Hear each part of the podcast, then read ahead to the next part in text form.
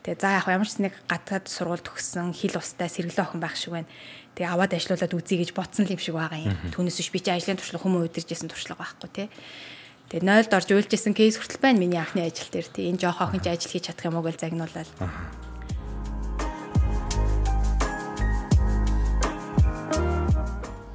Та ямар нэгэн ажил төрөл эсвэл бизнес эхэлж байх чинь саад бэрхшээл зөндөөл гарч ирсэн баг. Тухайн цаг үедээ бол дааж давшгүй их санагдаж байсан. Харин дараа нь эргээд харахад бол энэ жижигхэн асуудал байсан байдаг. Амжилтанд хүрсэн түүхийг бүгд л ярьдаг. Харин уналтын түүхийг баг хинч ярьдаг анзаарлаа. Тиймээс айцтайгаа нүүр тулан босож ирсэн болон ирээдүйд гарч болцсошгүй жишээнүүдийг хуваалцахаар шийдлээ. Гэхдээ байзаараа бид нар ер нь яагаад ингэхдээ алдаад бүдрээд байдаг вэ? Уналтаас сургамж авч санаа суй. Намаг Эрдэнэтр гэдэг санаа суй подкастын хост байна.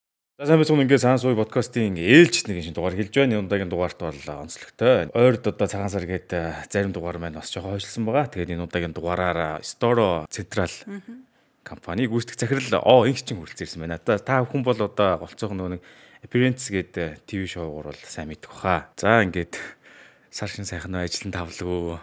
Ойрд ажиллахтай байна уу? Сайхан сайхан шинэлөө. Өө ажилттай тий бидний ажил ямар тусах штэ. Өнөөдөр болохоор одоо e-commerce-ийн талаар бас жоохон одоо таны бизнесийг дэлгэрүүлж бас жоохон ярих гэдэг байна. А гол нь бол хүмүүс нөгөө нэг өөрсдөө ингээ юмаа захиалж чаддгүй. А тэрийг нь хөгжүүлсэн юм сайт байгаа. Энэ тэгээд яг анх хэрхэн энэ санаа нь бий болсон болоо та энэ санаагаа дэлгэрүүлж хэлвэл. Окей.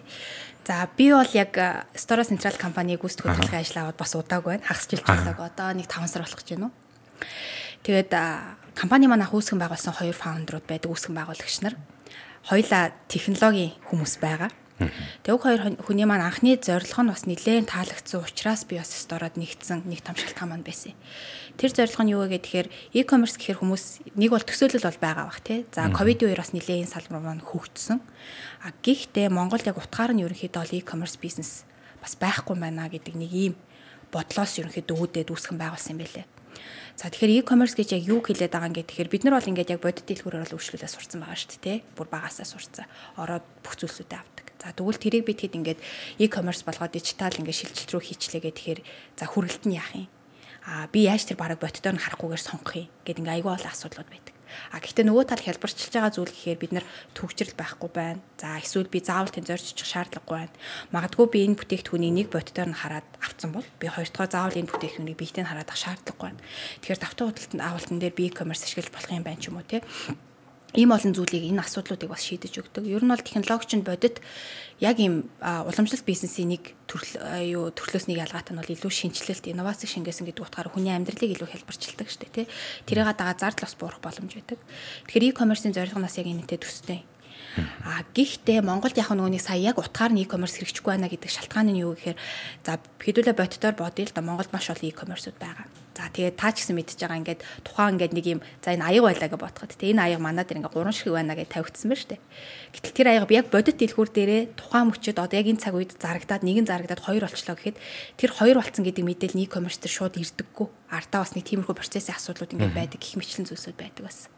Инээс үүдээ нөгөө үлдэгдлээ битгэдтэй ингээд яг нөгөө нэг тодорхой яг бодит цаг хугацаанд нь ийм ширхэг үлдэгдэлтэй байгаа шүү гэдгийг холбоо тогтоож чаддггүй. Яг тухайн систем нь бүрэн бий болоогүй ч юм уу. За даалангуй e-commerce ард маш том дид бүтцийн бизнес байдаг. Supply chain гэж ярьдаг.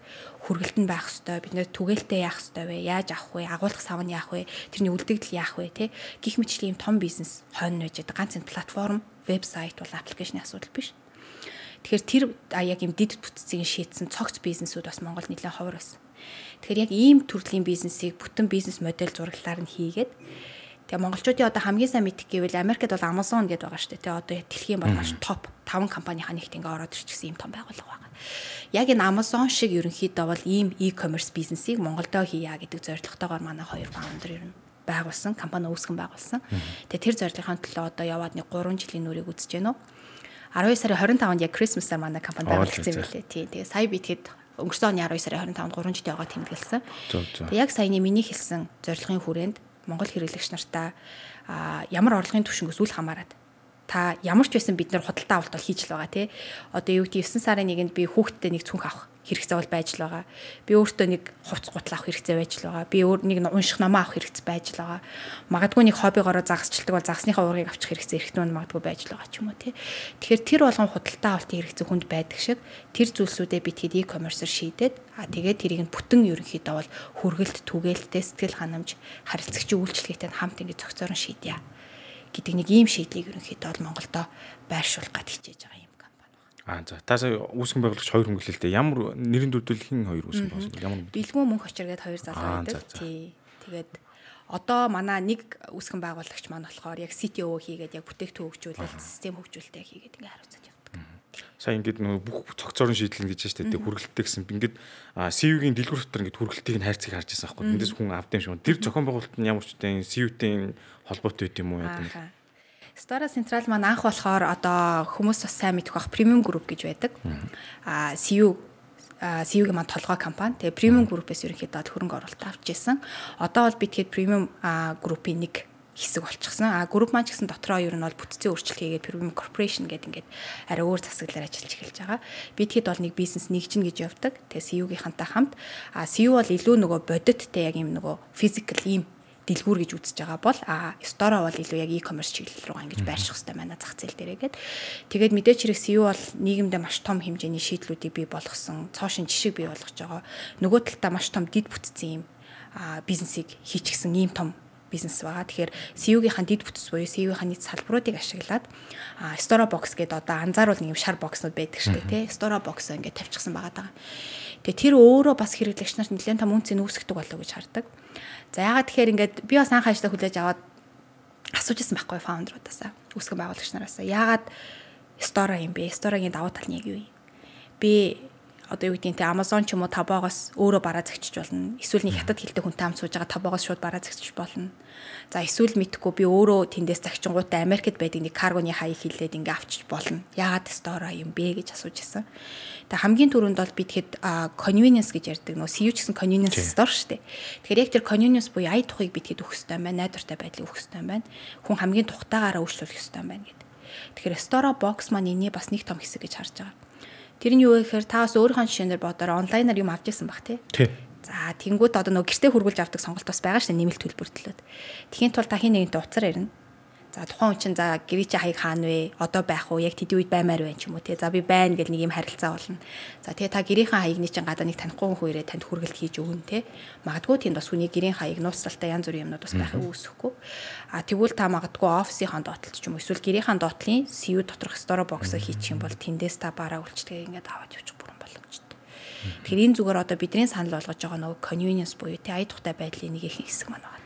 За маш гоё дэлгэрэнгүй тайлбарлаа. За тэгээд компани талаар бас хоошоо дэлгэрүүлж ярина. Одоо болохоор жоохон хувийн талаас асууя. Та юм амар сурталчилгаа шиг болж өгөө компани дээр яриа. Сурталчилгаач биш л дээ. Одоо ингээд ойлгохгүй л юм л да компани бүтцээ тий.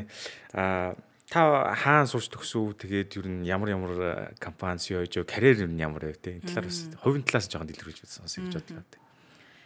Нөгөө өмнө нь ингээл янз бүрийн юунуудад орж явахад хүмүүс яг ингээд хилдэг дараа л юм бүр сүлдээ чэйжилсэн хүмүүс хүртэл байсан. Тэгээд ажлын гараа бол Наран групп, тэгээд Чон групп, Монс групп Аа тэгээд хаан даатгал даатгалын салбар тэгээд сүүлд Томьёо эдтэгт ажиллаж байсан. Аа би ч юу нэг цэвэр Монгол одоо төгссөн Монголын бүтээгдэхүүн. А гэхдээ нөгөө Монголд байдаг анхны гадаад сургууль байдаг хүмүүс бас тухайд Hartford гэд байдаг байсан. Одоо Rutgers University гэдэг а хит нэг өштэй тэнгис болтгий тий. Би нөгөө хит нэг энэ төр гэхээр намайг айгуусаа дээр үеих гэж бодоод идэг. Манай залуучууд энэ төр гайхаад байхгүй хит нэг гэж хаана байдаг ингээл. Тэгтээ бүр хилээ сурцсан л тий. Хит нэгт байдаг тий. Тэнд байдаг сургууль ерөнхийдөө бол тэнд төгсөж байсан. Тэгээд Монгол Улсын их сургуульд маркетинг гараа ерөнхийдөө бол мастраа хамгаалж исэн юм хүн байгаа. Одоо ажиллаад нэг 14 гаруй жилийн туршлагатай болж байна уу. Тэгээ цэвэр яг бизнесийн салбарт олон салбарт ажиллаж байсан л да. Худалдаа, хөрөнгө оруулалт, барилга, төсөл, тэгээд үйлдвэрлэл банк санхүү даатгалын салбар. Тэгээ сүүлд ингээд технологийн салбар руу орж ажиллаж байна. Та голцоохон гүйцэтгэх удирдлах талдаа ажиллаж байсан уу? Одоо сая 14 жилийн хугацаанд. Тэгээ доороос нь эхэлнэ. Аа. Доороос нь эхэлж байсан. Одоо ингээд нэлээд олон салбарт ажиллаж үзлээ гэж байна л да. Миний одоо асуух асуулт болохоор энэ салбарууд ингээд явж байхад ингээд карьерийн төвшөнд ингээд янз янз явж байхад аа ер нь эмхтэй гүйцэтгэх удирдлага ер нь хэр байсан бэ? Ховор байсан уу? Илбүү байсан уу? Тэгээ ингээд бизнесийн шийдвэр гаргалтанд энэ оролцоо ямар ингээ баланстай байсан бэрхшээл юу гарч ирсэн үү? Яг одоо ч бас тийм байдаг бах. Яг топ төвшний удирдлагуудад дайлангуй менежментийн багт бол эмэгтэй хүний тоо бас баг байсан шүү дээ. Одоо бас нэмэгдэж байгаа болоо гэж би анзаардаг.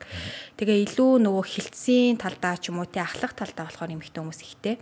Яг топ менежментийн түвшин рүү гарахаар эмэгтэй хүмүүсийн тоо бол тухайн үед намайг анх ажлын гараа эхэлж байхад бол баг байсан.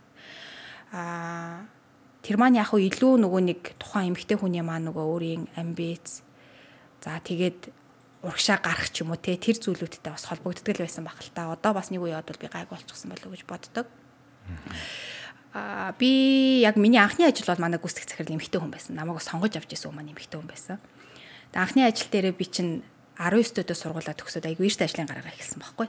Тэгээ тухайн үед баг 12 хүн удирдах юм ажлын байран дээр томилогдчихсэн. Тэгээ миний карьер айгүй яг сони эхэлж ирсэн. Миний ажлыг тухайн үед би нөгөө ажлыг авч ирсэн хүмүүс нөгөө декрет аваад явах гэж байгаа тим эмэгтэй байсан. Тэгээ би одоо бодоход нөгөө декрет авах гээд орных нь хүн нь олдохгүй. Тэгээ за яг ямар ч нэг гадаад сургууль төгссөн хил устай сэргэлэн охин байх шиг байна. Тэгээ аваад ажиллаулаад үзье гэж ботсон юм шиг байгаа юм. Түүнээс биш би чи ажлын туршлага хүмүү удирж исэн туршлага байхгүй тий. Тэгээ нойлд орж үйлжсэн кейс хүртэл байна миний анхны ажил дээр тий. Энэ жоох охин ажил хийж чадах юм уу гэж загнуулаад тэгэж эхэлж байсан байдаг. Тэгээ тэрнээс хойш бол эмгтэй удирдлагатай би ер нь таарж байгаагүй. Дийлэнхтэй ирчүүдтэй илүү ажиллаж байсан. Аа тэгээд за нэг карьерийнхаа 8 дахь жилээс үү яг ахалж эхлээд албаны дараагаас эхлээд тэгээд газрын дарга. За тэгээд ер нь С төвшин руугаа гараад Сиогийн ажлыг бол би сүүлийн 3 дахь жилдээ л удаа хийж байна одоо ингээд яг хуу сёгийн ажил хэр хүмүүс ингээд нэг дарга зэрэг одоо юу гэдэг нэг өрөөнд суусанд хөрөж харагддаг. Гэтэ нөө хамгийн хэцүү нь шийдвэр гаргалт өгдөө шүү дээ. Энэ дээр ингээд таны өмнө хийжсэн ажил төр ч юм уу ингээд шийдвэр гаргалтанд хамгийн хэцүү кейсүүд байсан нь ер нь ингээд бүр ингээд шийдэл нь олдохгүй ч юм уу ингээд бүр ингээд аргаатаа суудсан шүү дээ нэг тийм. Оо удирдах төвшөнд ажиллахын хамгийн нэг том зүйл нь болохоор би бол ер нь яг миний арга барил өөрөө ийм дарга цэрэг гэсэн арга барил нэг туртаа бол биш аль бол хөндлөн байхыг хичээдэг. Даа ялангуяа технологийн компанид яг анхны маань CEO-гийн ажил технологийн компани байсан. Тэгээ бидний хэлж заашснаар залуу үеийнхэнтэй даа ялангуяа тик талын технологи талын ирчүүдтэй. Тэгээд нөгөө жинзээ гэж яриад байдаг залуучуудыг ажиллаж байсан стартап болохоор тэр утгаараа ч тэр нөгөө би захирал чи ажилтан ч юм уу тийм харилцаа ер нь бол буруу гэж үздэг. Тэгээ миний арга барилч бас тийм биш. Тэгэхээр илүү хөндлөн илүү жоохон тийм нөгөө чөлөөтэй яг багийн нэг гишүүн шиг аль болох би өөрөө ажиллахыг хичээдэг. А зүгээр удирдах төвшөнд байгаагийн нэг том ялгаа нь юу вэ? Хариуцлагын асуудал шүү дээ. Өөрийн чинь яг саяны хэлж байгаа нөгөө шийдвэр гаргалт. Шийдвэрийг эцсийн шийдвэрийг би гаргана. За тэгээ тэрэндээ би бас хариуцлага өргөх хэрэгтэй гэдэг асуудал тий. Тэгэхээр хариуцлагаараа л би ялгаатай байдаг болов уу гэж боддгийн. За олон сорилтуудтай бол тулгарна. Тэр дундаас алдсан онсон нь ч их байдаг байх бүр яг нэрлээд хэлбэл бол олон зүйл байгаа л да. Тэгээд нэг зүйл нь болохоор шийдвэр гаргаж чадсан бол тэрэндээ үнэнч явах хэрэгтэй баг. А тэгээд тэрэндээ өөрөө буруу байвал хэрвээ хариуцлага өрөх хэрэгтэй баг. А гэхдээ тэр шийдвэр гаргалт нь өөрөө компаниг болон компани ажилчдыг хэрэглэгч нарыг олон хүмүүсийг хохирох хэмжээний шийдвэр гаргалт байх ёсгүй гэж харддаг. Тэр утгаараа шийдвэр гаргахтаа аявих боддог. Хувилбараа твшүүлдэг жишээ нь би өөрөө. За аль нь зөв аль нь буруу вэ гэдэг хувилбаруудыг тэгсвчүүлдэг. Нөхцөл байдлаа хардаг За тэгээд нэг юм хүн туршлагажаад ирэхийн хэрэг мэдрэмжийн асуудал бас байдаг болов уу гэж боддгийн. За ер нь энэ бол үгүй дээ энэ магадгүй мөндөө гэдэг нэг мэдрэмж ер нь байдаг юм да хүнд тийм суугаад эхэлдэг.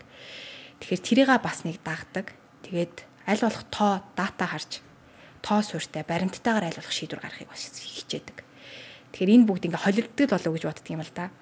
Хаяа бас үнэхээр мэдрэмжээд байгаа зөвцсөн шийдвэр гаргалтууд ч бий. За буруутсан кейс ч би. Тэр буруутсан кейс маань бол миний нэг алав удирдаад эхний нэг жилийн үед юм уу да нэг гарсан кейс бол байдаг хохирол харьцангуй багтай. Гэтэл яхааргүй нөө туршлага бас дутуу хүнийл зүйл байгаа даа байхгүй. Тэгээ тэрнээс хойш илүү нөгөө нэг тоогоо харъя, дата харъя те. Тэгээ өөрийнхөө бодлыг тэр судалгаагаар батлая гэдэг нэг ийм арга барил руу орж эхэлсэн гэх юм уу та. Зүг зүг. За шийдвэр гаргалт хариуцлага гэдэг бол салшгүй дааж явдаг. Одоо буцаад э, бизнесийн талаар нь лавлах гэдэг юм л да. Би ингээд стори сегмент руу ороод ингээд бараа яаж үзлээ. Ер нь бол а өөр бусад ийм адил төстэй сайтууд бол нэг үл зөвхөн Amazon нэг үл зөвхөн Tabo ч юм уу аль нэг сайтад дагнсан байдаг. Энэ болохоор ингээд store болохоор хоёул ингээд нийтгцэн байна л да. Тэгээ ингээд хайлт ихээр яг нэг биний ганц суудаа жоохон ингээд нэлээд удаан ингээд load ингээд ачаалал гаргаж ирд юм байна л үр дүнгүй нэг боксны хөрхөн айкон гарч ирээд. аа тэгэхээр энэ нөгөө нэг цаад Amazon болон Tabo өнтрээс одоо юу гэдэг юм? Тийм зөвшөөрөл авч жагаад ингээд дамжуулт юм болов технологийн шийдэл нэг цаанаа юу болоод идэм бол? Тэр одоо чинь би юу гэдэг нэг аяг гайхад дээр нь англи монголч гэдэг нь цаа сайтаас татаж хайжгаад монгол хүндээ автомат орчуулга гараад ингэж ирд юм болов жоохон технологийн процесс нь би ингэж сонирхолтой санагдаад байна. Бэкграундын ажил нь. Тий, тий. Ер нь бол технологийн бизнес дижитал бүтээгдэхүүн аягүй сонирхолтой шүү дээ, тий. Бидний бодит харж байгаас илүү. Би ч гэсэн одоо суралцаар л явж байна. За, яг өөрийн чинь асуулт нь гэхээр Amazon болон Taobao-гоос шууд тухайн бүтээгдэхүүнийг татаж гаргаж ирж байгаа. Яг тухайн Amazon болон Taobao дээр барьсан бүтээгдэхүүний бодит зураг, а бодит хэрэглэгч нарын сэтгэгдэл, бодит үзүүлэлтүүд тэрийг нь битгэж шууд орчуулад ингэж гаргаж байгаа гэсэн ямар нэг өөрчлөлт байхгүйгээр яг тод. Тэгэхээр эргээд хэрэглэгч нарт ямар үнцийг үүсгээд байна вэ гэхээр хэрвээ та англи хэлгүй бол яах вэ? За дийлийнх нь магадгүй англи хэлтэй болцсон тий. За тэгвэл монголчуудын бараг би нэг судалгаа хийж байхад 90 гаруй хувь нь хятад хэл бол байхгүй гэдэг чийсэн хятад хэлэхгүй бол яах вэ? Гэхэд бид нэр ихэнхийн урдаас хятад улсаас авч байгаа шүү дээ. Ихэнх бүтээнүүд тий хэрэглэнүүдтэй. Тэнгүүд эргээд бид хэд яаж байгаа вэ гэхээр тэн дээр ямар нэгэн зүйл авахгүйгээр яг шууд тухайн платформоос нь одоо монгол хэл дээрээ их хэл дээрээ ерөнхийдөө бол бүх бүтээгдэхүүнийх нь үзүүлэлт хэрэглэгчийн ревю сэтгэлдлүүдтэй үнэлгээтэй ингээд төвөргөөрө хөрвүүлээд гарч ирж байгаа гэсэн үг. Саяны удаж байгаа гэж тэгж штэ. Энэ бас айгүй том ингээд технологийн хувьд асуудал байдаг байхгүй? Ямар ч технологийн бүтээгдэхүүнүүд дээр Энэ болгон дээр шийдэл хийж улам гоё те сайжруулах, улам хэрэглэгчийн те тэр туршлагыг хэрэглэгчийн мэдэрж байгаа тэр мэдрэмжийг сайжруулахын тулд маш олон технологийн залуучууд бүтээгдэхүүн хөгжүүлж байгаа хүмүүс технологийн салбарынхаа ажиллаж идэг. А энгийн жишээ аваад ярангуут одоо манд бидний хамгийн хэрэгэлдэг хаан банкны аппликейшн гацчлаа гэж нэг устаа ирээ буу юм болдог шүү дээ. Технологийн зүйл бол хэцүүлтэй, ер нь бол систем хэцүү байдаг. А маш олон нюанстай цаана зүйлсүүд байдаг а зөвхөн мэрэгжлийн хүн ойлгох кейсүүд ч бас айгүйх би одоо бэк тал дээр ч юм уу тий. Тэгэхээр одоо яг ингээл өөрөө чи хэлж байгаа шиг ингээл удаж ийн гэвэл энд одоо ингээл манай дээр red alarm дуурал тий манай технологийн баг юу болов яагаад ингэж удав юун дээр гац үгэл ингээл тэр бүх юмнуудаа маш хурдтай харж янзлах ч юм уу тиймэрхүү зүйлсүүд орж идэг. Тэрийг бид хэд хэрэглэгч гацсныг нь бид нарт хэлэхгүйгээр бид нар өөрсдөө нан гацаад байна гэдгээ мэд хэмжээний хөгжүүлэлт ч юм уу тий тэр зүйлүүдийг бас ингээд хийх гээд ингээд асуудлууд айгүйх байдгийн. А гэхдээ нөгөө тал айгүй сонирхолтой. Технологи хийс өөрөө айгүй сонирхолтой. А яг энэ ингээд процессыг өөрөө айгуугаа юм урсгалаараа явж байгаа гэдэг чинь яг бидний мөрөөдөл байхгүй ороод хүнтэй зүгээр одоо ингээд яг Google-с юм хайж байгаа юм шиг те би аяг гэж хайхад Amazon Taobao дээр бүх төрлийн аягнууд нь гарч ирэл Монголд та магадгүй хизээч олохгүй аягыг эсвэл Монгол тухайн аяг нь магадгүй үнэтэй байвал 2 3 дахин бага үнэтэйгэр ч юм уу те шууд олоод тэрийг шууд өөрөө яг Монголоос юм авч байгаа юм шиг QP ч юм уу те хаан банкныхаа дасаар шууд төлөөл. Нэг 2 7 хоногийн дараа CV-ийн хайрцгаар авах ийм л үйлчлэг авахгүй тэгэхээр өөрөө тэр нэгээд тэр урсгал аягүй гоё ингэж явчих хэвээр бүтээгдэхүүн хахад дуудах ёсгүй. Тэр бүтээгдэхүүн яг хахад яг аяг нь гарч ирэх ёстой ч юм уу те.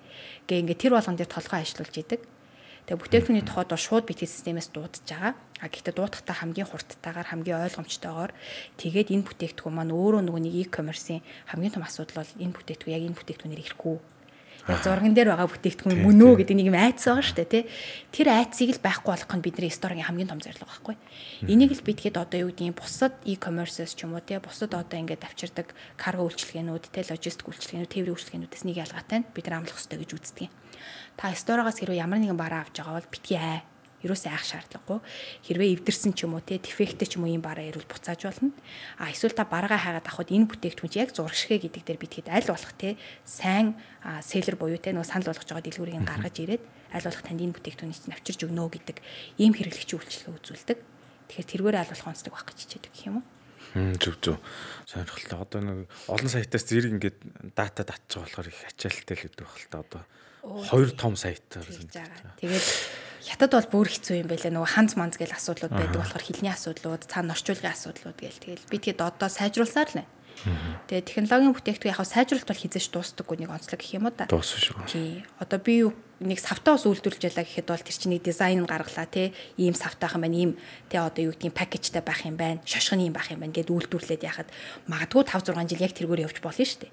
А технологийн бүтээгдэхүүний онцлог болохоор тийм байх ямарч боломжгүй. Байнгын сайжирч явах хэрэгтэй. За сонирхолтой. Одоо тэгээд яг уу одоо нэг монголчилсан арга нь болохоор нэг хоёр утсаар нөгөө нэг табуур орж байгаа дээр нь Google Translate ингэж тавьж хагаад хоёр утсаар ингэж орчуулад хүмүүс идчихтэй. Тэр юм одоо байхгүй ингээд стори тэр бүх юм амар болжээ. Нэг нэг бодлын. А тэгээд энэ нэр юу н үүсэн байгуулагч нар яаж өгсөн юм бол?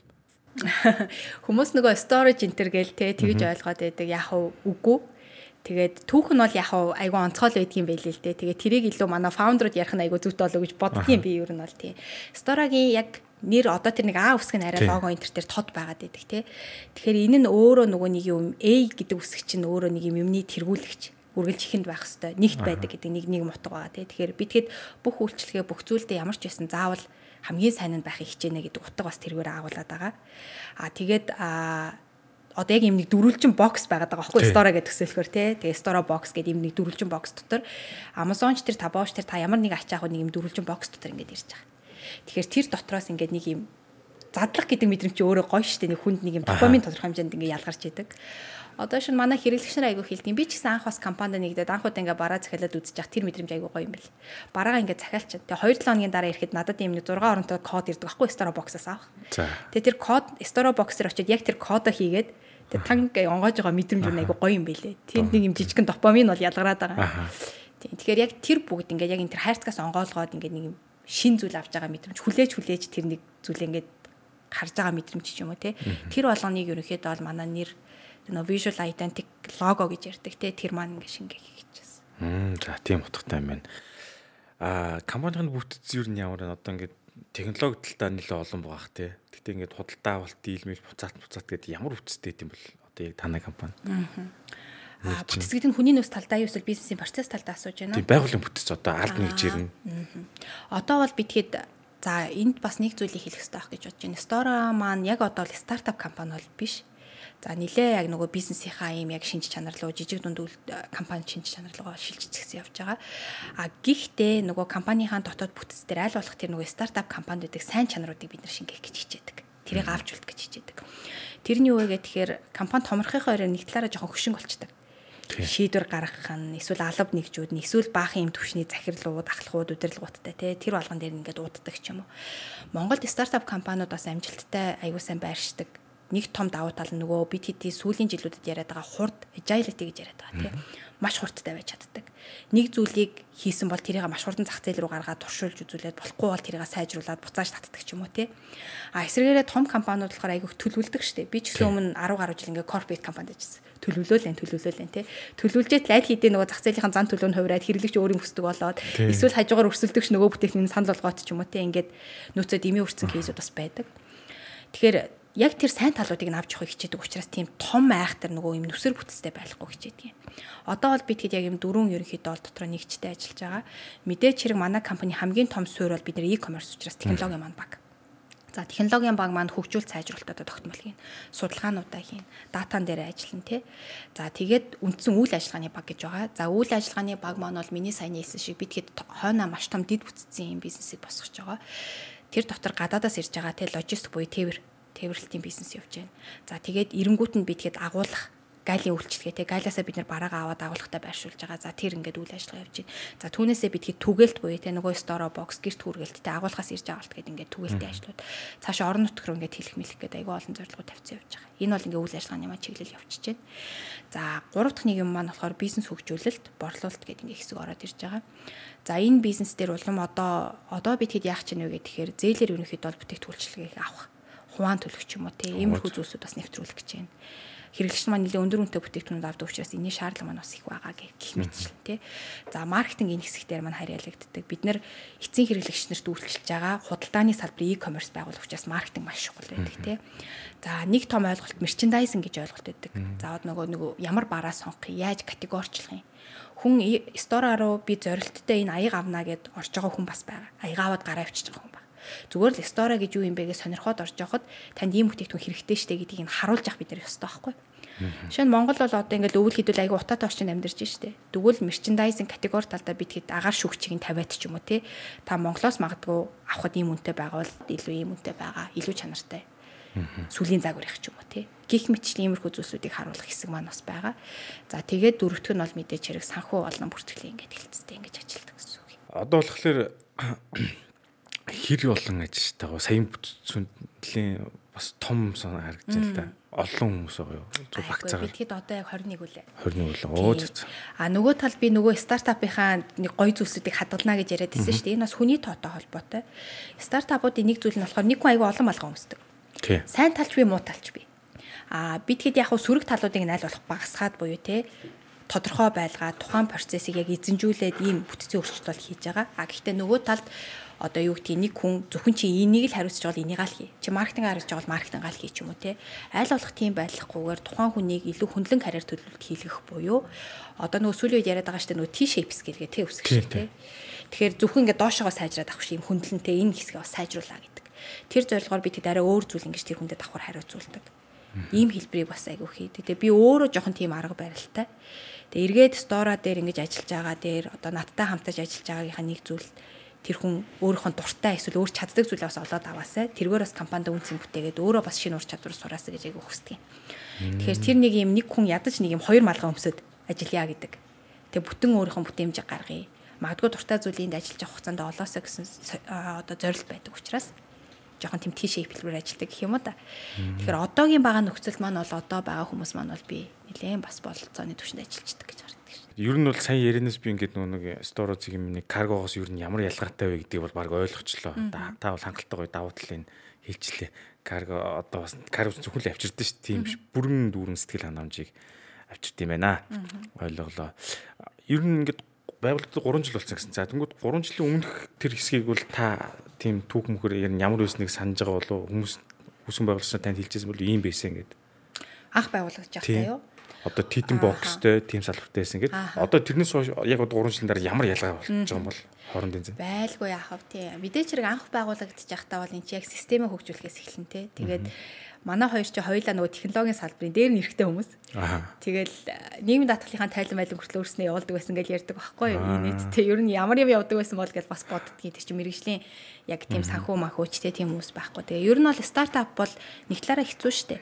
5 6 хүнтэй эхэлнэ бүх юмаа өөрснөө хийн, бүх процесс руугаа орно, чадахгүй юм руугаа хүртэл чадах хэвээр. Тэр өөрөө нөгөө нэг фаундер буюу үүсгэн байгуулагч хүний хүлээх хэвээр. Нэг талаараа жаргал нөгөө талаар нас зовлон болдог, сорилт нь болдог ч зүйл ах гэж боддог. Тэгээ Story-гийн хувьд бол 3 жилийн туршид бол маш сайн сайжирч чадсан. За тэр нь юу вэ гэхээр хамгийн түрүүнд би тэгэхэд Amazon-ыг холбосон. Нөгөө талаар маш зөв платформ холбож чадсан болов уу гэж боддог. Amazon ч өөрөө Америктай бол маш тогтсон. Дэлхийд даяар бас хэд томоохон орнуудад өөрсдийн гэсэн яг жинхэнэ платформынхаа франчайзтай болсон юм бизнес шүү дээ, тий. Тэгэхээр бас найдвартай байдаг илүү. Аа хэрэглэгч нар бол хэрэглээ сурцсан байна. Тогтмол хэрэглэгч нартай болцсон байна. Одоо бид хэд нэг за нэг 83 мянга орчим. Оо тийм. Тогтмол хэрэглэж байгаа хэрэглэгч нар бол байна. Тэгэхээр аль хэдийн захиалаад сурцсан байна. Одоо даа ялангуяа Монголд байдаггүй бараанууд эсвэл хоббиний шин чанартай бүтээгдэхүүнүүд.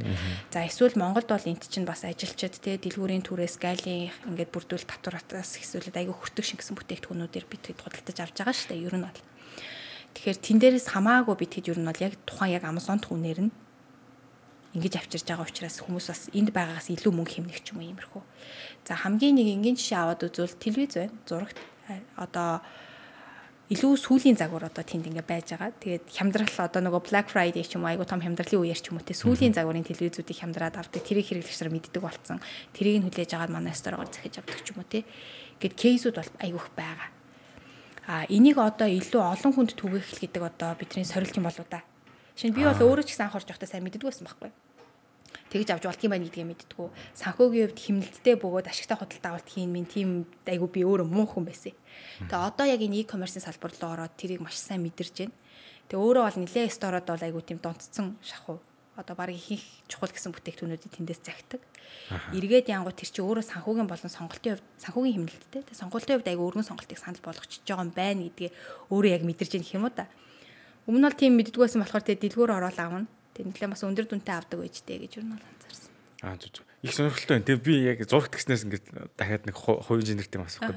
Энэ заавал нөгөө Amazon-оос биш нөгөө табугаас зурагт загчижсэн хүмүүс загч нь уу? Яаж вэ? Манай табу одоо ороод яг нэг сар гарan болж байна. Тийм. Электрон бараа бол одоохондоо нэг за юу яасан? Нөгөө геймер компьютер гэж ярьдаг штеп. E-sport сонирхдаг хүмүүс тоглодог. Тэгээ тийм компьютер бол хятадаас ухсарж авдаг юм байлээ. Би бас тэрийг сайн мэдгүй. E-спортын төрлийн ямиг сайн мэддэггүй. Тэгээ өөрөө ч бас аягүй суралцаал явж байгаа л да. Тэгсэн чинь хятадаас захиж авдаг юм байна. Тэгээд ухсарч нөгөө юунуудаа захиад энд ухсруулдаг юм байна. Илүү хямдхан болдог юм байна. Одоо Монголоос авснаас бол хоёр дахин хямд үнэтэй юм уу та тэгж харьцуулсан. Тэгээ мэддэг хүмүүс нь бол захиад авчдаг юм байна лээ. Аа тавилгууд бас угаасаа юу штэ одоо манай монголч ихэвчлэн тавилга бол дандаа урдаас хятадаас ерөнхийдөө импортлогдож байгаа тий хүмүүс тавилгууд бас аягүй их цагдаг. Жишээ миний яг өөрийн кейс бол байдгийн. Би 2 жилийн өмнө нүүж яхад бол яг гэрийнхэн бүрэн тавилгыг яг табоох зэгчсэн байхгүй. Тэгж яхад би яаж исэн бэхээр хятад хэлтэй хүн хөлслөөд хамт суугаад ингээд загчсан байхгүй юу? Нилээ их тавилга загчсан. Тэгээд яаж яах одоо бол яг ингээд анзаарангууд тэгэхэд бол илүү хямд үнэтэй илүү сонголттойгоор авч болдгийм байна гэдэг тухай үед би мэдэрч ирсэн. Сахуугч айгүй хэмнэж чадчихсан. Одоо стора дээр табоог оруулаад ирсэн чинь яг мэддэг хүмүүс нь ингээд бас тавилгууд цахиад байлээ. Ор тавилга гэх мэт тийм их юмуд айгүй загчсан Зүг зүг. Яг Amazon-оос зурагт авч болт юм. Та бугаас харин зурагт захихаас би ингээд айгаад байдаг хгүй гэмтчгүй ингээд 120 инчийн зурагт ингээд том зурагт авах гээд. Тэгээ өөрөө хуурай авахаар каргод итгэж чадахгүй. Яа идээс гэн юм хоёрын хооронд ингэсэн байдал байгаа байхгүй. Тэгээ сторыг ашиглаад тийм том хэмжээний зураг захиул яадаг л гэсэн санаагаар саягийг асуусан юм. Аа, ер нь бол болно. Яг сторогийн нэг санал болгож байгаа айгуу том зүйл. Мэдээж хэрэг тээвэрлэлтийн асуудал байхгүй. Энэ ч гэсэн манай айгуу том эрсдэл. Аа, нөгөө талаар бид хэд энэ дээр бас даатгалтай хамтраад ч юм уу тий улам хөгжүүлэх бизнесийн юм хөгжлийн асуудлууд бол байгаа. А гэхдээ бид хэд энийг баталгаатай зүйл нь хэрвээ манай буруугаас болоод таны ачаа эвдрээд ирсэн бол энэ дээр бид хэд баталгаа өгөөд буцаалт буцаалт хийнэ гэдэг нэг юм үйлчлэгийг бид хэд нэвтрүүлээд явж байгаа юм. Нөгөө талаар зөвхөн хэрэглэгч ямар ч гэсэн сторгоос ямарваа нэгэн бараа захад айцгүй байгаасай л гэдэг хүсэл биднэрт байгаа буюу тэрийг л бид хэд үнцэн гэж ерөнхийдөө хараад хэрэглэгчтэй санал болгож байгаа гэсэн. Тэгэхээр ер нь бол яг манай буруугаас болоод эвдэрсэн тохиолдолд бол энэ дээр бид шийдэх ёстой гэж үздэг. Философор ажилтдаг хүмүүс гэсэн үг. Зөв зөв. За одоо тэгээд хайж үзээд захиалж үзээ да. Болно болно. Тэгээ гомдлын үйл бас над руу шууд хэлэхгүй юу. Одоо нөгөө нэг юу яадаг шүү дээ. Хөрөнгө оруулалт Монголын нөхцөл заримдаа хэцүү байдаг. Стор бол одоо ингээд стартап байж чад хөрөнгө оруулалт тацаан гэж таасаа ярьлаа. Яг энэ энэ процессын одоо яг үүсгэн байгуулагч нар илүү сайн мэдчихэл байгаа хэл та. Гэхдээ ер нь таны дууснаар бол энэ процесс ер нь хүнд байсан уу? Одоо хөрөнгө оруулалт хэрэг хайж явсан болоо тэр замдлал гэдэг талаас нь. За одоо магадгүй хоёулагийн подкастыг сонсоод яг өөрийнхөө тэ стартапыг эхлүүлнэ би entrepreneur болно гэдээ явж байгаа хүмүүс байгаа бол эсвэл дөнгөж эхлүүлсэн те дараагийн шатны хөрөнгө оруулалт хайж байгаа хүмүүс байгаа бол хэцүү шттэ хөрөнгө оруулалт бол айгүй хэцүү. Дайлангуяа манай Монголын бизнесийн орчин, хууль зүйн орчин гэсэн яг тэр тал руу дэмжсэн байдал айгүй багтай. Хөрөнгө оруулагч нарыгаа дэмжиж тэ хамгаалдаг хууль ч юм уу те. За эсвэл тодорхой хэмжээний татвартай холбогдсон бодлого ч юм уу ер нь бол байхгүй. Тэгэхээр энэ өөрөө бас айгүй том сорилт байдаг стартапууд. За нэг 3 4 жилийн өмнөөс бол уг нь бол нилээ итгэж эхэлсэн. Гэхдээ маш олон төслүүд магадгүй хууль эрх зүйн орчноосоо болоод ч юм уу те олон шалтгаанаас болоод бас амжилтгүй болсон кейсүүд байдаг баг. Иннээс үүдээд бас хөрөнгө оруулагч нар жоохон айцтай байгаа ч зүйл бас байгаа баг. Одоогийн нөхцөл байдлаар бол те. А гэхдээ ирээдүйн угаасаа юм дижитал шилт рүү шилж байгаа нь тодорхой. За тэгээд зах зээлийг одоо шинэ финтек биш үү? Анх лендэ маань гарч ирэхдээ бол энэ аппликейшнэр тэг ямар ч барьцаагүй ингээд шууд хүнд итгэж зээл олгоно гэдэг бол тухайн үед бидний толгойн хиндэнч магадгүй буугаагүй. Гэтэл одоо бүгдээрээ л тийм болсон ба штэ. Маш олон финтекүүд ингээд төрчихсөн те ингээд явж байгаа зах зээл амжилттай байршсан. Тэгэхээр тийм зөрөгтэй шийдлүүдтэй тэгээд өөрөө яг энэ бүтээгдэхүүн маань би нэг юм бүтээгдэхүүний санаа байна. Эсвэл би аль хэдийн энэ бүтээгдэхүүнийг хөгжүүлсэн байна Тэгэхээр энэ бүтээгдэхүүнийг энэ бүтээгдэхүүнийг ийм ийм зүйл үнцийг үүсгэх нь зах зээл ийм зүйл үүсгэх нь урттай ийм ашиг магадгүй бизнес хувьд авчирна гэдэгтээ өөртөө үнэхээр ихтэй байгаад энийга маш мундаг пич хийж чадах юм бол хөрөнгө оруулагч нар бол одоо л хизээд ингээд аюу гой welcome те тавтай морил гэдэг ингээд хараад байж байгаа байхгүй. Тэгэхээр хамгийн түрүүнд бол би хоосон санаа гэхээсээ илүү тодорхой хэмжээний бүтээгдэхүүнээ бас ингээд нэг хөгжүүлээд туршаад хэрэглэгчдэд хэрэглүүлж үзүүлээд те болно болохгүй гэдгийг харчаад тэгээд хөрөнгө оруулалтын зүйл яриул илүү амжилттай байдаг болов уу гэж хардгийн яг хаа цаасан дээр байгаа санаанаас хөрөнгө босгоно гэдэг нэг талаараа мундаг чадвар баг. А гэхдээ нөгөө талаараа аягүй том эрсдэлтэй. Тэгэхээр илүү тухайн хөрөнгө оруулалтыг амжилттай татъя гэвэл тодорхой хэмжээнд фаундер үүсгэн байгуулагч хүн те өөрөө тодорхой хэмжээний эрсдэл үүрээд бүтээгдэхүүнийг хөгжүүлж үзээд ядаж бета хувилбарыг гаргаж үзээд те. За нэг 100 хүнээр ядаж хэрэглүүлээд үзье л та. Ажиллаж гэнэ үү ажиллахгүй байна уу гэдгээ мэдээд. Тэгээд ерөнхийдөө хөрөнгө оруулалт татвал би бол боломж их гэж хардаг. Тэгээ нөгөө талд бол айгүй олон юм нөгөө нэг venture одоо юунууд их болцсон шүү дээ. Студиуд их болцсон. Одоо Socratus гэдэг байгаа, M Stars байгаа. MCS Group бол энэ дээр маш том хөрөнгө оруулалтыг хийгээд MCS Ventures гэдэг компани чинь явж идэг. Миний өмнө ажиллаж байсан Том Яман ч гэсэн бас яг энэ томоохон хөрөнгө оруулагчтай юм бас хувь нэмрээр бол нэлээд зах зээлд бол том байр суурь эслээд ингээд амжилттай явж исэн бизнес байсан. Амжилттай явж байна. За тэгвэл э, асуултыг дахиад үргэлжлүүлээд асуух гэж байна л да. Жохон салгаад. Сторо яг ингээд хөрөнгө оруулалт татхад юу хэр хугацаа зарцуулсан бол ингээд шууд хүн ороод ирсэн болов хайж авч байгаа юм болов тэр дүүхэнд би премиум групп гэж хэлсэн. Тэрийг нь сонсох гээд яг ямар заавал хийжсэн бэл. Яг уу анханасаа бол ер нь бол яг премиумаас хөрөнгө оруулалт аваад эхэлж исэн ийм бизнес байгаа. Нөгөө талд тийм премиум корпорацийн маань хувьд болохоор өөрснөө яг нөгөө илүү бетон зурмаг те барилгын чиглэлийн ийм бизнестэй байжгаад CEO орж ирээд цоошин худалдааны салбар руу ингэж орсон. А тэгэхээр нэгэнт ингээд худалдааны салбар руу орсон юм бол яг л нөө дижитал шийдэлтэй холбоотой те e-commerce бол магадгүй том хэмжээний ирээдүйн ийм том бизнес байхаа өөрөө ирээдүйд маш том үнцийг үүсгэх баха. Хэрэглэгч нарын нэг хэрэглэнэ гэж ерөнхийдөө харж ирсэн учраас энэ чиглэл рүү бас хараад хөрөнгө оруулсан баг. Мм зөв зөв зөв ойлголаа. Одоо ингээд стори цэгмийн цаашдаа ирээдүйд нөгөө нэг юу талд ажиллах болов нөгөө зөвхөн Монгол биш ингээд салбарлуулад жоохон дроп шиппинг талдаг чинь чинь хятадаас аваад гурдагч ус зарах ч юм уу тийм бодлого модлого зорилт юу байдгүй зөвхөн Монголд л гэдэг. Одоо Монголын технологи айгүй олон компаниуд угаас юникорн болоод гадны зах зээл рүү гарнаа л гэдэг шүү дээ. Тэгээ нэг талаараа Монголын зах зээл жижиггүй учраас бас тийм амбиц байх нь угаасаа зүйтэй байх. Цахаасаа финтекүүд ч гэсэн Узбекистаны зах зээл рүү тэ ингээ гарч эхэлж байгаа шиг байна. Мэдээч хэрэг бид нар тгий зорж байгаа. Тий ягаад тэгэхээр технологи өөрөө зах хязгааргүй. А гэхдээ зөвхөн аз технологиороо биш те яг бүтэн бизнес модельороо бас гарах боломж байна уу гэдгийг бол харж л байгаа. Одоо би тэгж утсан яг нэг өөр юм том бас худалдааны сайтууд нэг платформ дээр нэгтгэл гоё юм байна л гэж бодож ирсэн.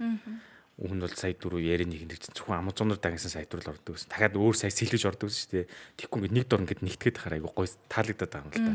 Зөвхөн нэг юу сонгоол сайт өөрчилдөг ч юм те. Өөр ер нь ийм сайт нэмэгдэх болов дахиад нэг юм худалдааны зах зээл бол нээлттэй шүү дээ. Энд чи өөрөө яг нөө харилцаа холбооны нөгөө одоо storage хэмээн дээр дахиад Табу Amazon гэсэн хоёр сонголт 3 дахь 4 дахь 5 дахь гэж нэмэгдэх болов. Нэмэгдлгүй яг улмал тэгэл бид нар сонголтыг нэмэх ёстой шүү дээ тий. Хэрэглэгч нар одоо Монголын хэрэглэгч нар даа ялангуяа ямар төрлийн категориг аль орны ямар бүтээгдэхүүнийг илүү хэрэглэж байна гэдэг магадгүй өрчин ч гэсэн мэдрэмж байгаа ах тий. За тэр бүтээгдэхүүн Япон солонгосын юм авчмаар. За за тэгвэл тэр тэр чиглэлд ажил хийж байгаа байна. Ийм бизнест одоо юу гэдэг эрсдэл нь хэр үйд юм бол эрсдэл гэдэг нэг хэрэглэгчийн буруугаас болоод ч юм уу компани буруугаас ч юм ингээд одоо юм юм эвдэрч гимтсэн кейсүүд ер нь хэр гарч байна 100-ны хэдэн үдэлж байна баг байхгүй юу нэлээд баг. Тийм бид хэд бол аль болох тэрэн дээр хариуцлагатай байх гэж хичээдэг. А тухайн бараа хэрэглэгчийн захиалсан бараа эвдэрч ирэх ч юм уу те буруу ирнэ гэдэг чинь чи биднэрт ч аюул тун процесс зардал мөнгө те хүнд хүчний асуудал бас байдаг учраас энийг анханаас нь бид нар зөв процессор явуулах гэж хичээдэг учраас энэ эрсдлийг хамгийн бага хэмжээнд нь ерөөхдөө байлгах хэмжээндээ ер нь бол үйл ажиллагаа зохицуулдаг гэсэн үг. Одоо би бас мэдэхгүй л та хүмүүс асууж ирсэн баг л та. Сторигоос бараа захиалангуудаа и баримт шивгэж байгаа юу? Шивгэж байгаа. Байгууллага дээр шивгэж гарна гэсэн үг. Аа. Оо за за шүү шүү. За юмаа захидөө. Тий нөгөө юу байгаа? Стора өөрсдийн авж байгаа нөгөө үйлчлэгээний шимтгэл гэж байгаа тий. Тэрэндээ бол бид хэд ч угаасаа и баримт шивжих ёстой шүү дээ. Аа үйлчлэгээний шимтгэлдээ л хүн шивдэг гэсэн үг. За тэгэхээр таавал ингээд э, өмнө боловсролын бас тэгтээ технологи талдаа байгууллагууд дээр SEO хийж исэн. Хийж яхад нь ер нь уйлмаар үйж байсан гэжсэн. Тэгэхээр тэр нь яг өмнөх ахлах үеийнээс баг л та. Одоо хамгийн тийм шийтгэд бэрхшээлтэй асуудал юм байсан юм болоо. Одоо миний хэлэхэд байгаа санаалах ингээд шийдэж чадахгүй нэг ментор ч гэдэг хүн амтнаас очиж уулзж ярилцах гэдэг те. SEO-гийн карьерт нэг тиймэрхүү үе байдаг шүү дээ. Танд тулгарч исэн тийм хэцүү үе үү? Байлгүй яг цаашдаач байх бах Яг одоо кейсүүд гэдэг тэгвэл яг бүр тийм тоочны амар санаанд орсон. Энэ дээр нэг том алдчихж билээ гэдэг кейсүүд санагдахгүй л байна л да. Том алдсан баг юм болов мэдгүй тий. А гэхдээ гацаалтанд орно штэ. Туршлага туссан ч асуудал байх магадaltaгүй тий. Эсвэл яг нөгөө нэг миний сайн ярьсан мэдрэмж байгаа ч гэсэн бас зөв буруу юу гэд тий. Тэгээд яг тийм нөгөө ментор гэдэг хүн бол арайхан доод надад бас байхгүй байна. Аа гэхдээ яг асууж зөвлөх тиймэрхүү хүмүүс бол байдаг байсан. Тэгээ яг мэдээч хэрэг энэ замлаар олон жил ажилласан илүү том объемтой бизнес удирдах байгаа хүнтэй ч юм уу те илүү уулзаж яг нэг иймэрхүү зүйл тохиолдоод байна. Энэ дээр юу яаж ажиллах зүгээр вэ гэдэг кейс гэх юм уу та. Хамгийн энгийн жишээ гэх юм бол өмнө нь яг Томьёо эдтек дээр ажиллаж байгаа залуучуудтай аявих ажилладаг байсан. Тэгээ нөгөө талаар залуу хүмүүстэй ажиллахын нэг зүйл нь болохоор туршлага багтаа учраас суралцах зүйлсүүд аявих ихтэй залуу ажиллаж байгаа. Тэгээ би анх CEO-гийн ажлыг авчаад анхны л миний гүйцэтгэх удирдлагын ажил. Тэгсэн чинь миний баг ажлын ингээд нэг 50 60% нь тухайн залуучуудтайгаа уулзах, тэр хүмүүсийг сургах, чиглүүлэх ийм зүйл рүү чиглэсэн байхгүй юу. Тэгээд нөгөө бизнес хөгжүүлэх, стратеги ч юм уу цаашдаа яах вэ гэдэг дээр ингээд нөгөө бодох цаг хугацаа айгүй баг нэг ийм болчихсон. Тэгээ нэг жил ихтэй тэгж яваад би ингээд гайхаад ерөн зөв яваад байна уу, буруу яваад байна уу? Хүнээл сургасан баг нэг багш шиг болчиход байна уу гэл тээ. Сио чи ийм баг ёстой юм болов үгүй болов гэдэг ингээд төрөгдөлд орж эхэлж байгаа байхгүй. Тэгээ тухайн үед би MCS-ийн ган төмөр захирлаас яг энийг асуужсэн. Тэгээд за би юу н миний ингээд ажлын бараг 60-70% нь хүмүүстэйгээ уулзаж сургах те ийм ч зүйл рүү чиглээд байна. Би юу н зөв явж гэнэ үү гэдгсэн чинь ихчин чи яг зөв явж гэнэ гэж надад хэлсэн байхгүй. Тэгээ сайн гүйцэтгэх удирдлага эсвэл сайн менежер гэж хэнийг хэлдэг вэ гэхээр магадгүй би нэрээ тэнд хөлөөж игээд хөвтчихэвэл те надтай надгүй ажил маш гоё явж ивэл би нэрээ сайн менежер байх. Тэр өөр айгу зүг баг. Тэгэхээр өнөөдөр би маш их хугацаагаа зарцуулж тухайн хүмүүсийг сургаж байгаа ч гэсэн ирээдүйд тэр хүмүүс маань те дахиж тийм цаг зарцуулахгүйгээр ажлаа маш өндөр чанартай түвшинд хийгээд магадгүй би тэр компанид одоо ч би баг нэрийн хэрэггүй болтлоо байж дээ гэвэл би үнэхээр сайн ажиллаж чадсан байна гэж өөрөө ер нь бол дүгнэл гэж боддог шин. Түүнээс биш магадгүй би яваад ч юм уу те ажил унаад үүсгэн байгуулагч юу ч гэсэн ижилхэн байхгүй. Маш сайн бас нөгөө нэг гүйцэтгэх удирдлагатай байхгүй бол өөрөө ингээд компани чинь тэр хүний хувьд бол хүүхч нь байгаа шүү дээ үүсгэн байгуулж байна тий нэг гой зүйлийг мэдрээд ийм гой зүйл хийнэ гэд компани үүсгэн байгуулсан байдаг тий тодорхой хугацааны дараа мэдээч хэрэг мэрэгжлийн SEO тавьдаг. Тэнгууд яг тэр нөгөө а компани өөрийг нь байхгүй унчуул айгу хэцүү. Тэгэхээр систем бүрдүүлнэ гэдэг зүйл айгүй чухал гэж би бол хувьдаа тэгж итгэдэг. Тэр системийн нэг хэсэг нь бол маш сайн хүчтэй баг бий болгох. А тэр баг маань өөрөө бас маш сайн системэндээ уусаж ажилладаг. Тэр системийг бий болгоход нь тусалдаг. Тэгээ тэр систем маань өөрөө өөрийгөө аваад явчихдаг. Ийм хэлбэртэй болоод эхлэх юм бол өстой нөгөө захиралтайгаа захиралгүй тэр сайн менежертэй менежергүй ажил нь явж ивэл тэгээ тэр хүн ажиллал хийсэн байна гэсэн үг байна сая яринаас нэг гой тодорхойлт авлаа. Хөлөөжиг өвчвөр ажил явж байлаа гэл. Тэр чи яг зөв менежер шүү нөө байгууллага загварчлан гэдэг ихнээс нь. За түрүү яриныхынд би танаас нэг хайлт сонсч ирсэн нөө ажлаасаа гадуур ингээд одоо юу гэдэг нь олон нийтийн ажилд хэрэг оролцож байна. Шинэ Ази хөгжлийн банкны ямар сан гэлээ тийм. Ази сан. Ази сан тий.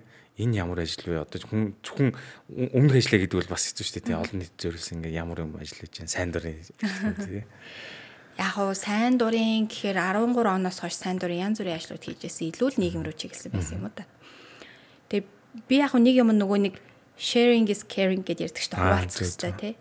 Тэгэхээр нөгөө хүн нэг тодорхой хэмжээний ингээд нэг савнд үрсэн бол тэрийг бусдад хуваалцаад өөрийнхөө савчсаа хосолж явах хэрэгтэй гэж айгүй бол нэг тийм өгнөд шүү дээ тий чадах зүйл байвал би ер нь бол тусуулъя л гэж боддгийн. Тэгэхээр тэр утгаараа яг Азийн сан дээр бол бизнес эрхлэгч эмэгтэйчүүдийг дэмжих төсөл гэж байдаг. Одоо төсөл нь ерөнхийдөө энэ жилээр ингээд дуусах юм.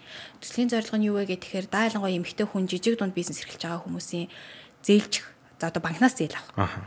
Тэр зүйлүүд нь бол илүү хэцүү байдаг. Эрэгтэй хүнээс нэг ялгаатай. Тэрийг би бүр анх тийм гэж бодог байхгүй.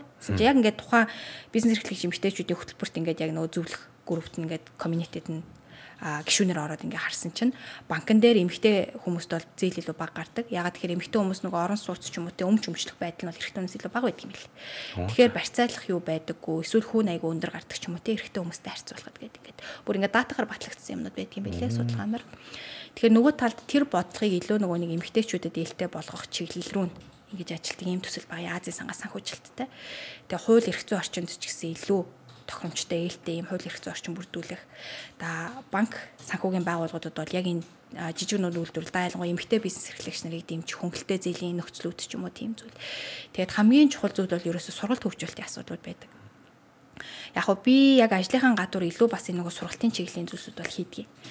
Тэгээд анзаарч яхад яадаг вэ гэхээр ихэвчлэн нөгөө ахуйн бизнес байж байгаад ч юм уу те жижиг дунд бизнес рүү болоод зах зээлээр гараад ирэнгүүт нөө өрсөлдөх чадрын асуудал яригддаг.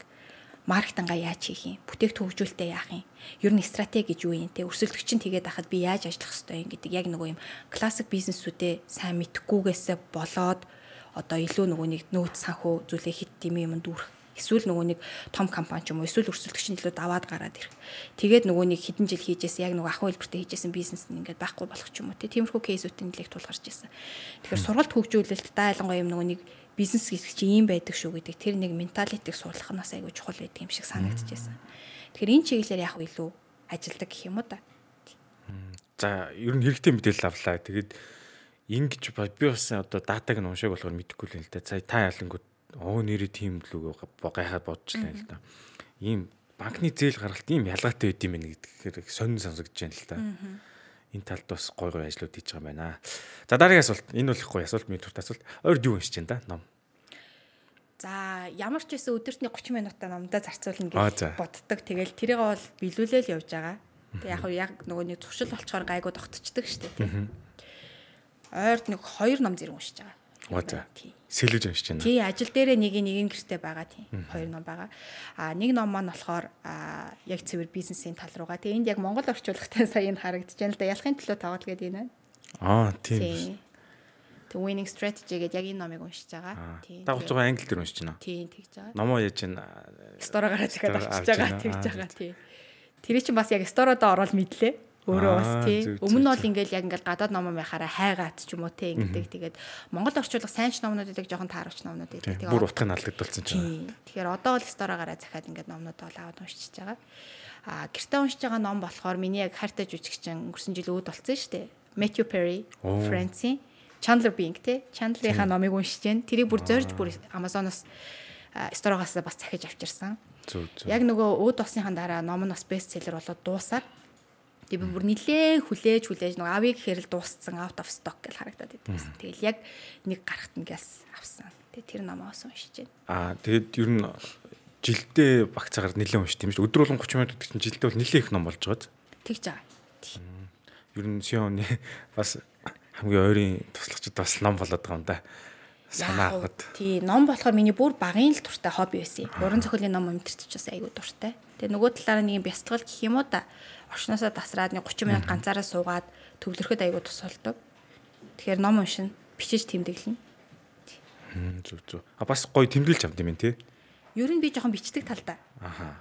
10 жил дахин бичдэг байсан. Оо зөө. Шүлэг энтер зохиодог байсан. Нөгөө бидний чи үед үйл уран жиргээ энтер гэ тэмцээн байдаг байсан шүү дээ. Тэр мэрэнд бас ордог байлаа. Жоохон тийм ихтэй хөхтэйсэн байхгүй. Тэгээд бичих бол яг хобби. А өдөр нэрэл хөтэлдэг үү? Өд яг тийм бол биш. Илүү яг нөгөө аа за бичил бичил миний бичлэгүүд юу гэх юм да жоохон толгойд байгаа зүйл гэхээсээ илүү үгүй нэг юм одоо дурдтгал гэх үү юу гэх ирээдүйд магадгүй тэдрээга нийлээд хизээ нэгэн цагт гоё ном болох ч байхыг бас үүсэхгүй нэг тиймэрхүү төрлийн гэх юм уу да. Түүнээс ш өдрийн тэмдэглэл энэ төр бол биш бас. Бичих бас их гоё юм шиг юм. Аюу сайн бодол сэтгэлж өгдөг. Нөгөө подкастэнд нь анх урагдаад сонсоход ер нь бол нэг юм хүн үргэлж нөгөө амжилттай зүйлсүүд айгүйх ярьдаг штэ тий Тэгээ тэргээр нь ч бас хүмүүс айгүйх мэддэг. За нөгөө тал сошиал хөгжөөд би тэгэд илүү л ийм зүйл гоё боллоо гэдэг гоё зүйлэл хуваалцдаг болохоос биш ард нь байгаа хэцүү зүйлсүүдээ бас дийлэн хаан юу нь ярьдаггүй шүү дээ тий. Тэгэхээр би тэр зүйлүүдийг ил гаргах нь л гол зорилго нь юм болоо гэж подкастыг нь ойлгосон. Зүг үү? Яг зүг. Яг хоо зүгээр сүулт юу гэдэг юм бол а манай үеийнхэн ч тэр эсвэл яг юм нөгөө нэг залуу дараа үед гарч ирж байгаа залуу мэрэгчлээ эсвэл шин төгсөгч ч юм уу октод надаас айгүйх асуудаг байхгүй эмэгтэй хүн бизнесийн салбарт юм да ялангуяа те ингээд удирдах түвшинд гарахад тулгамдж байгаа сорилт юу байна вэ? Ер нь энийг яаж даван тулах, яаж хүлээн шүүргэх вэ гэдэг нэг тийм асуудлууд байгаа даа. Айгүйх тиймэрхүү зүйлсүүд асуугаад байдаг. Тэгээд яг үнэхээр би ч гэсэн тэрэн дээр айгүй олон нөгөө нэг унжсэн фейлжсэн кейс надад байгаа штэ. Аа эмэгтэй гэхээр арай нэг өөр хүлээж авдаг ч юм уу те. За да ялангуяа ингээд нэг залуу байхад ажлын байран дээр нэг юм залуу жоохоо охин ер нь яаж ингэж гарч ирсэн бол гэдэг буруу ойлголтууд хүртэл явдаг тийм кейсүүд хүртэл байдаг. Тэгэхээр энэ зүйлүүд дээр би гол нь нөгөө надад нэг амьдралдаа баримталдаг яг тэр болгоныг даваад ингээд нэг ботсон нэг юм хоёрол зарчим байсан. Хамгийн ихэнд нь одоо ингээд би аюул олон компанид ажиллаж байсан. Тэгж яхад нөгөө компани нэг юм политик улс төр энэ төр гэж ярьдаг да. За хов жив янз бүрээр л байж болно те. Ер нь нэг тийм юмд орооцолтдгоо тийм дургу буюу урд хашлал хийдэг гэсэн. Тэгээд ирэхээр нөгөө яванда нөгөө цаг хугацааны ирэхээр ус тусаараа ялгарна гэдэг шиг ч юм уу те. Өстой нөгөө олон засгийн нүүр үүсэн гэсэн байж л байдаг гэдэг хүн шиг ч юм уу те. Яг тэгэхээр урд хажлаа хийж байгаа учраас би төрийн байгууллагын тэрийг бас сайн мэдэхгүй байна л да ажиллаж үзээгүй. Бизнесийн байгууллагт бол эн чинь нөгөө ажиллаа хийх нь угаасаа чухал ашигын төвтэй байгууллага учраас те. Тэгэхээр ажиллаа сайн хийх хэрэгтэй шүү гэж юу нь бол боддог. Тэгэхээр янз бүрийн зүйлд энерги зарцуулаад ч юм уу те ховж ярих хин нэгний фракц болох ч юм уу те тийм зүйл хийж яхаар би бол ажиллаа сайн хийгээсэй гэж айгаа олон хүмүүст хэлж ирсэн яавал юм байх вэ гэдгээр. Тэгэхээр хийж байгаа зүйлдээ эзэн болох хэрэгтэй, ур чадвараа үргэлж хөгжүүлж явах хэрэгтэй болов уу гэж хардаг. Тийм байхад тэгэл ер нь бол таныг бүгдээрээ л хүлээн зөвшөөрөх болов энэ хүн энийг олж чаддгаа гэдэг зүйл тий бардам өөрөө ч гэсэн би энийг чаддгаа гэж хэлж чаддаг болов гэж гардаг. За хоёр дахь нэг зүйл нь болохоор өөртөө гоё үнэнч байгаасаа гэж боддог. Хүн чинь нэг амьдралдаа нэг юм гоё жанжин шугам гэдэг зүйл бас байх хэрэгтэй юм шиг санагддаг. Одоо би яаж ч ингэ хэцүү байсныг хутлаарч хулгай хийхгүй дээ гэдэг ингэ нэг боддог зүйл шүү дээ. Яг тэр шиг би нэг ийм жанжин шугамтай би энийхэн төлөө ямар ч байсан явна ямар ч хэцүү байсан гэдэг тэр зүйлээ бас бид нар олж авах хэрэгтэй юм шиг байна. Тэгээд ирэхээр нөгөө ямар ч хэцүү те уналт тулгарсан яаж бүтлгүүцсэн за тэгээд ажил дээрээш тэр хувийн амьдрал дээрээш тэр эсвэл дараа захиралдааш тийм яаж загнуулсан нэг юм өвдгөөг өвд босох сэтгэл зүйн тэнхээ тэндээс гарч ирдэг юм шиг санагддаг байхгүй. Тэгэхээр би ч гэсэн айгүй олон уналтыг гаж ясан тэгэл за одоо яана тий карьерийн хувьд одоо яана ч юм уу тэгж бодож байгаа үе надад бас байсан. Гэтэ эргээд нөгөө өөртөө итгэжсэн үнэнч байсан чи би яаж исэн чи энийг муу зүйл юм буруу зүйл бол би хийгээгүй дээ гэдгийг мэдчихсэн учраас тэгэл хэсэг хугацааны дараа сэтгэл ингээд сэтгэл ингээд арай дээр дэт ч юм уу те тэгээ цаашаа алхдаг болов гэж боддог. За ингээд э, санас уу подкаст ээлжид нэгэн дугаар энэ төрөд өндөрлж байна. За тэгээд э, үнтэй цагаасаа завгүй байхад ажлынхаа өдрөд ингээд хомслон байж ирсэн их чин цагиралтай их баярлалаа бид бүхэн одоо гүйцэтгэх удирдлага байгуулгын те энд ялангуяа энэ салбарт ажиллаж байгаа эмэгтэйчүүдийн төлөөлөл болсон бас гоё сонирхолтой яриа өрнөлөө гэж бодож байна. За дээр нь онлайн худалдааны салбарын талаар дэлгэрэнгүй мэдээлэлтэй боллоо. Стори зэг мэнийг бас гоё тайлбарлаж өглөө эксплейн гэдэг шиг те. Цаг гаргаж ирсэн баярлаа. За маш их баярлалаа. Өрсөнд маш их баярлалаа.